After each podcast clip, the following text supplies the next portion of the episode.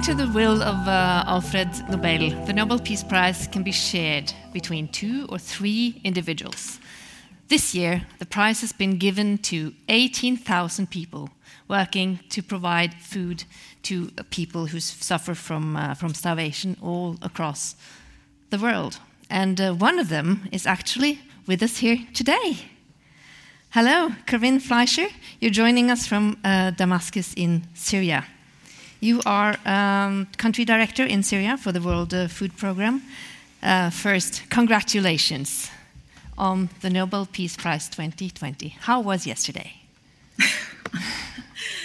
thank you, Ingvill, and thank you, Berit. What an advocate for the people we serve. Every word you said um, speaks and puts the focus on these people. But how was yesterday?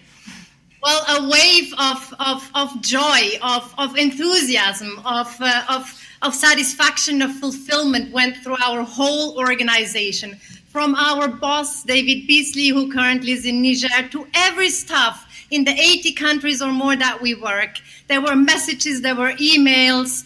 And here in Syria, um, I have to acknowledge, you know, people hugged each other despite COVID. It was just too much. So it is, it, you know, we feel this is a recognition um, to, to the hard and often dangerous work that we do uh, on the front lines of hunger. You know, people put their lives on the line to save lives of others. And so it's it's you know on second thought, obviously we were humbled and and it's a rewarding um, experience to receive this, this this this prize, not just for us, but for all the partner organizations who distribute food with us across the world, for, for governments, for donor governments, for private sector governments who, who as passionately and as tirelessly, you know, um, do everyone at their level what they can. And if I may, you know, lastly here in Syria, um, it is a recognition to uh, our Syrian colleagues and the colleagues of our partner organizations who have seen their beloved country fall into ruins Yet they come every day to, uh, to work, to save lives, and help people get back on their feet. As, as we heard uh, the chair of the Nobel uh, Committee say, the number of people suffering from acute hunger is uh, on a steady growth. Uh, how are you uh, noticing that when you work in Syria right now? Well, let me let me start with an encounter I had in, uh, in, um, in my, one of my recent trips through the country in Aleppo. Uh, a woman came to, to me thanking me. She said, um, You have, because of you, me and my family, we have survived. If we had not received your monthly food parcel over years, we would not have made it. So we are supporting 5 million people in Syria, uh, and the World Food Programme across the world is supporting over 100 million people. And so first, you know, we see this as a, you know, as a recognition to, to, the, to the invaluable service that WFP is rendering to humanity. But let me give you another story to answer your question. Um, I was uh, a week ago in the northeast of Syria, which is the Kurdish area. And uh, at one of our distribution points, a woman approached me with a plea to give her a food parcel. She's not on our lists. Um, she said, I, I, I cannot survive without receiving your food. I, I need to eat. I have two children. And she uh, lost her job because of COVID.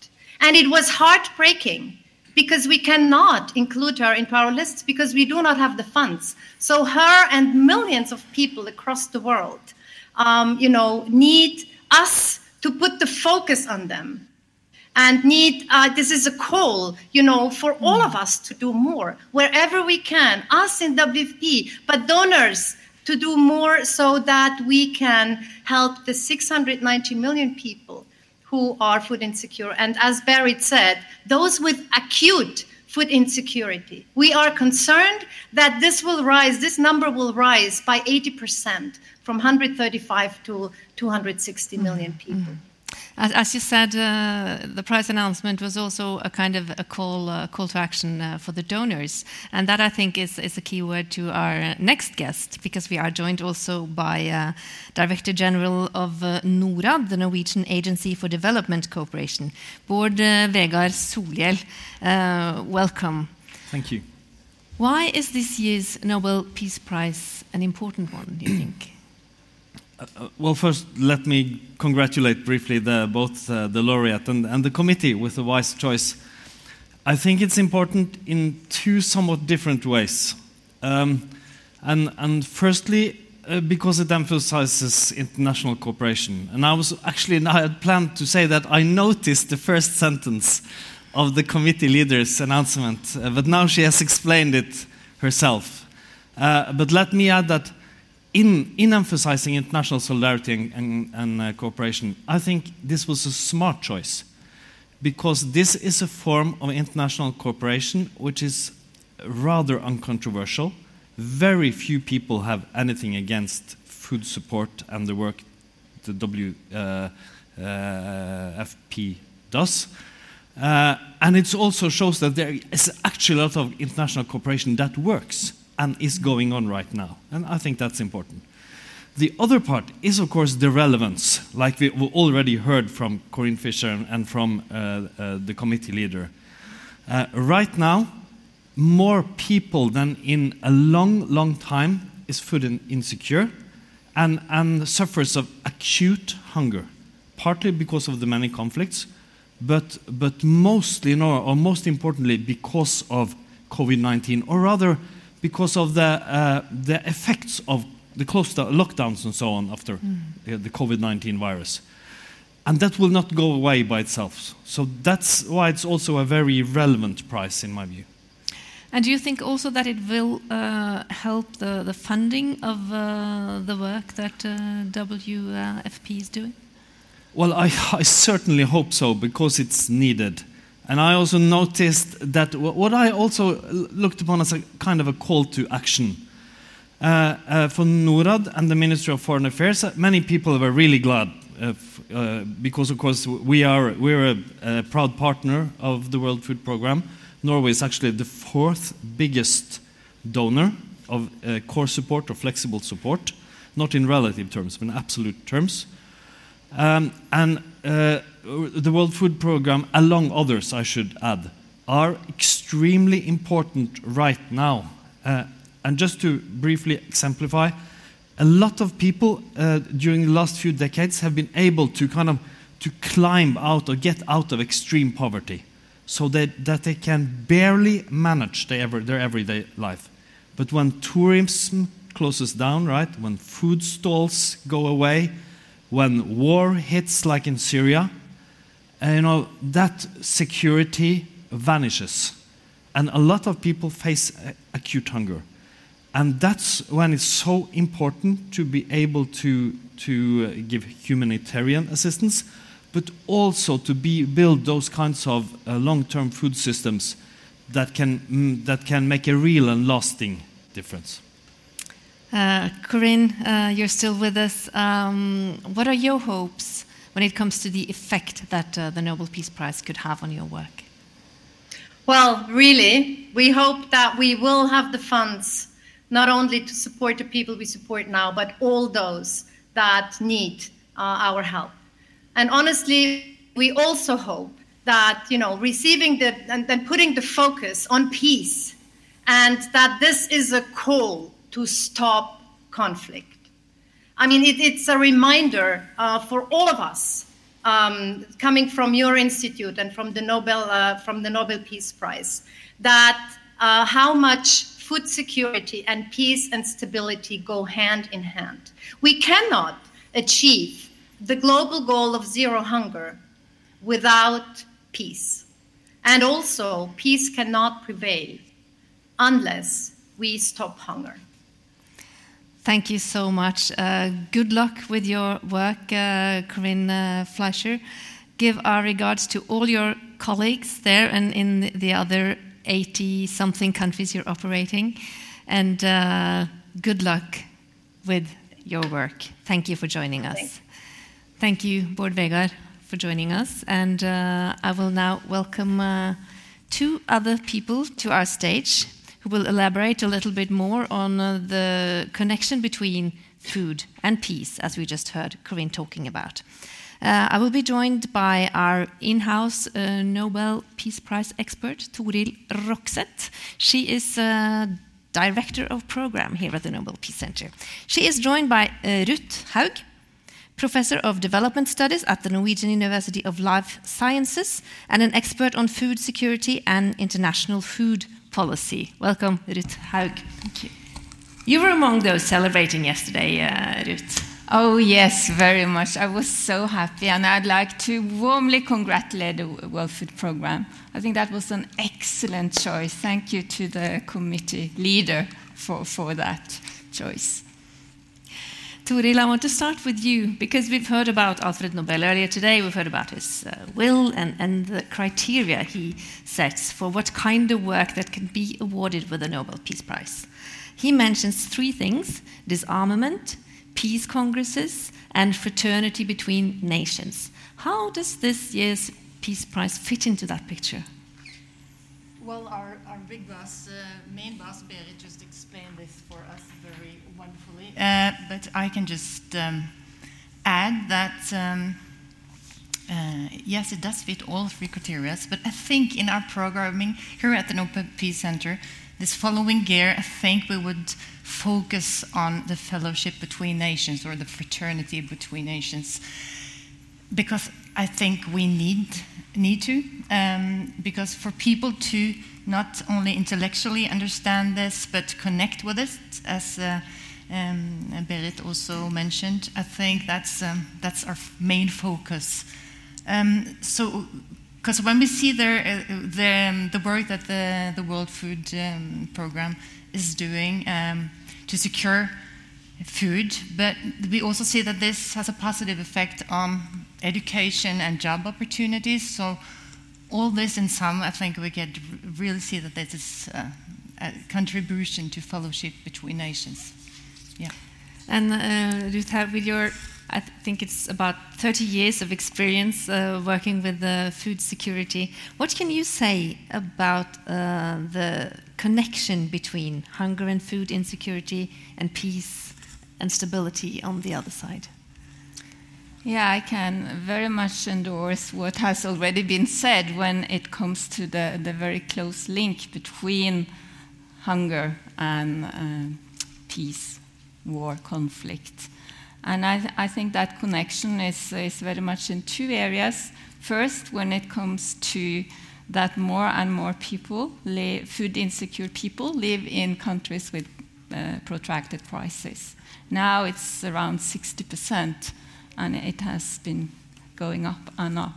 So when we have a war, uh, people become poorer and more hungry.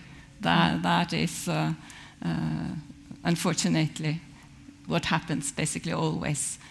Um, when it comes to the link uh, regarding to what degree hunger and famine contributes to conflict, that might happen sometimes, but not always.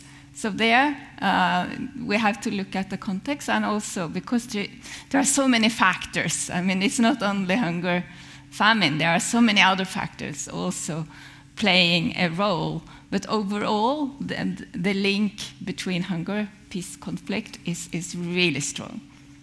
Uh, as Berit mentioned, uh, food and uh, the, the, the, the, unaccessibility to, to food can also be a weapon used in conflict. Have you? Can you explain that to us? yeah, we have seen that so many times, and, and I think Syria, we just heard from uh, Corinne, Syria is uh, really one of the very recent examples where we see how the civilians, how parts of, of towns have, where half of the uh, population get access to food, the other half do not, according to who is controlling that area. So it, it's devastating. But you also can take other examples um, where you see how um, small scale farmers are being uh, robbed from their, their crops or their fields have been burned and they've been chased away. So um, I think what Berit said yesterday about to control the food very often also control very many other things in a conflict is so true. And, and in that uh, manner, this, uh, this prize goes into a tradition in, uh, in the Nobel Peace Prize uh, history, Toril, uh, in pointing out uh, different aspects where power can be used and misused in, in conflict. Absolutely, absolutely. We saw that also yes, last year with the Nobel Peace Prize to Denis Mukwege and Nadia Murad. Um, how uh, how uh, sexual violence was used as a, a weapon in war. So absolutely, and I just want to to add that uh, uh, we had uh, our uh, uh, children's peace club here this morning, and when we asked them, "How do you feel when you're hungry?" and they answer, "Angry." and I think that sums it up pretty well. And um, the Nobel Peace Prize laureate from 1949, I think, John Boyd Orr, he also said, um, "Nobody can make peace on empty stomachs." So I think that the link that you've explained so so well is uh, we can see that in through history. Um, maybe we can say that uh, the French Revo- Revolution and the Arab Spring also had this element in them. So this is for us to just learn from history and act upon it. I think. And we've heard it today and we heard it yesterday the number of starving people in the world is on the rise. Why is that, Ruth? How- Can you explain? Yeah, the last five years, the trend has going in the wrong direction in spite of the Sustainable Development Goals having zero hunger as, as the target in 2030. So we have seen that rise, and um, there are basically four reasons, I would say. One is definitely conflict, protracted conflict war, one, one very important reason. Then it's uh, climate change. Then it's the economic uh, downturns. I mean, this is very much about the economy because there is more than enough food in the world to feed everybody. Uh, if we only were able to get the distribution to be more just, um, but still, there are so many people, people going, going hungry. So uh, the fourth one is that we, we are not really able to, to act. I mean, hunger now, we get more focus on it, great, but it's not a new phenomenon. Mm. I mean, I started for so many years ago, and we are talking about the same thing. So mm. I really hope now that uh, the question that was asked earlier here today, that this recognition of, of hunger as a huge problem that we can solve, and we have to solve it together. Hmm. Yes, uh, how is that? Uh, how, how, how is the experience of, of the effect that the Nobel Peace Prize can have, Toril? Will it, can it help? Yes, it can. It can help. Uh, it certainly puts focus on a topic that we should focus on, of course, and it needs our attention. Um, and that is maybe the, the main thing, the main effect. And uh, for, for some laureates, uh, for example, Lech Walesa, he said that this prize was a protection for me all through my life. And um, so it can have different effects, but um, mainly the focus that we, we really need to shift from focusing on so uh, only on ourselves to, to this globalism that um, Berit pointed on.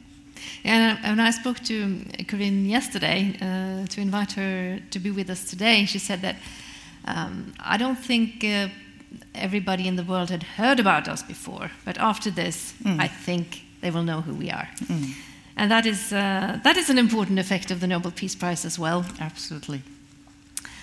Um, you were mentioning four reasons for the rise of, uh, of hunger, but Yeah. you did not mention the corona No, that pandemic. was the fourth. Then I uh, spoke too much that I forgot, which, which is now, of course, the most important reason why there is this huge jump this year. We don't know how big it will be. I myself expected that it would be worse in Africa, for example. Um, there, it is still horrible, the pandemic, but it could have been even worse there. Um, so we don't know exactly the numbers, but uh, one uh, forecast is a doubling of the number of acute hungry people. Um, it, it's really so devastating because it comes on top of everything else the conflict, the climate change, the locust. I mean, there are so many problems, and then you get this in addition, and people are already so vulnerable, uh, living from hand to mouth. So, these lockdowns when you can't go to work, I mean, uh, how to recover from that. And that's why the World Food Programme is so important because they are really, really able to get people to get over these hor horrible impacts of the pandemic. And one thing is the economic recession, but uh, the pandemic uh, has probably also made it more difficult to to provide help because it's yeah. difficult to travel, it's difficult to export things. Uh, how how important is that effect? Yeah, that that is is really important because just take one thing as school meals in schools when the schools are mm-hmm. closed. I mean, and, and, and you can't go to the, the health station. I mean, there are so many uh, additional problems because of the pandemic. So to to recover from that and maybe be more resilient and prepared next time because there will be something else uh, at some times coming up that we are not prepared for. So I think also the World Foods uh, program work very well on preparedness and helping countries to be more prepared for different kind of disasters. Mm -hmm. And another thing the pandemic uh, has uh, shown us is that a crisis can also affect us living in uh, the privileged part of the world. Do you think, uh, Toril, that that fact could make it easier to um, to talk to people about hunger? I mean, we've been talking about the hunger problem for for mm. decades. Are we yeah, more it might. receptive now? It might. Uh, yeah, it's a, it's a, it's a strange fact that maybe that was needed for us to understand more of the globalism and and and uh, being one world parts. Uh, maybe, maybe we have to we have to think this uh, through to find our creative and good ways into to people's minds and hearts. Mm. Yeah. That's a question to you, Can food insecurity uh, come to our parts of the world as well? Mm. Oh, How can yes. we be affected? I mean, we never know. it's so much uncertainty. And when I'm saying there is more than enough food in the world today at global level, not national, local level, but that might not be the case um, 10 years from now. We don't know. We don't know what crisis will come. We need to also to be prepared in, in our part of, of the world. But maybe I could add one thing to that whole global question you, you asked. I think that what the World Food Programme is doing is great, and they are fixing what very often other people have messed up. Um, but then you have all the structural injustice, the underlying cause of hunger, that it's difficult to fix with humanitarian action and, and assisting with, with preparedness and so on. So, um, to really be able to address that structural injustice that cause hunger to continue decade after decade, that's where we really have a huge, huge challenge ahead of us.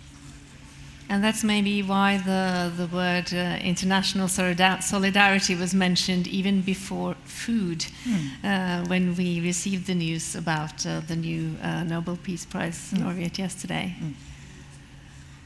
Thank you so much for joining us, uh, Ruth Haug and uh, Toril Rokseth. And thank you all for watching this celebration of the 2020 Nobel Peace Prize. Stay tuned, we will uh, have more uh, celebrations coming up later. Thank you for today.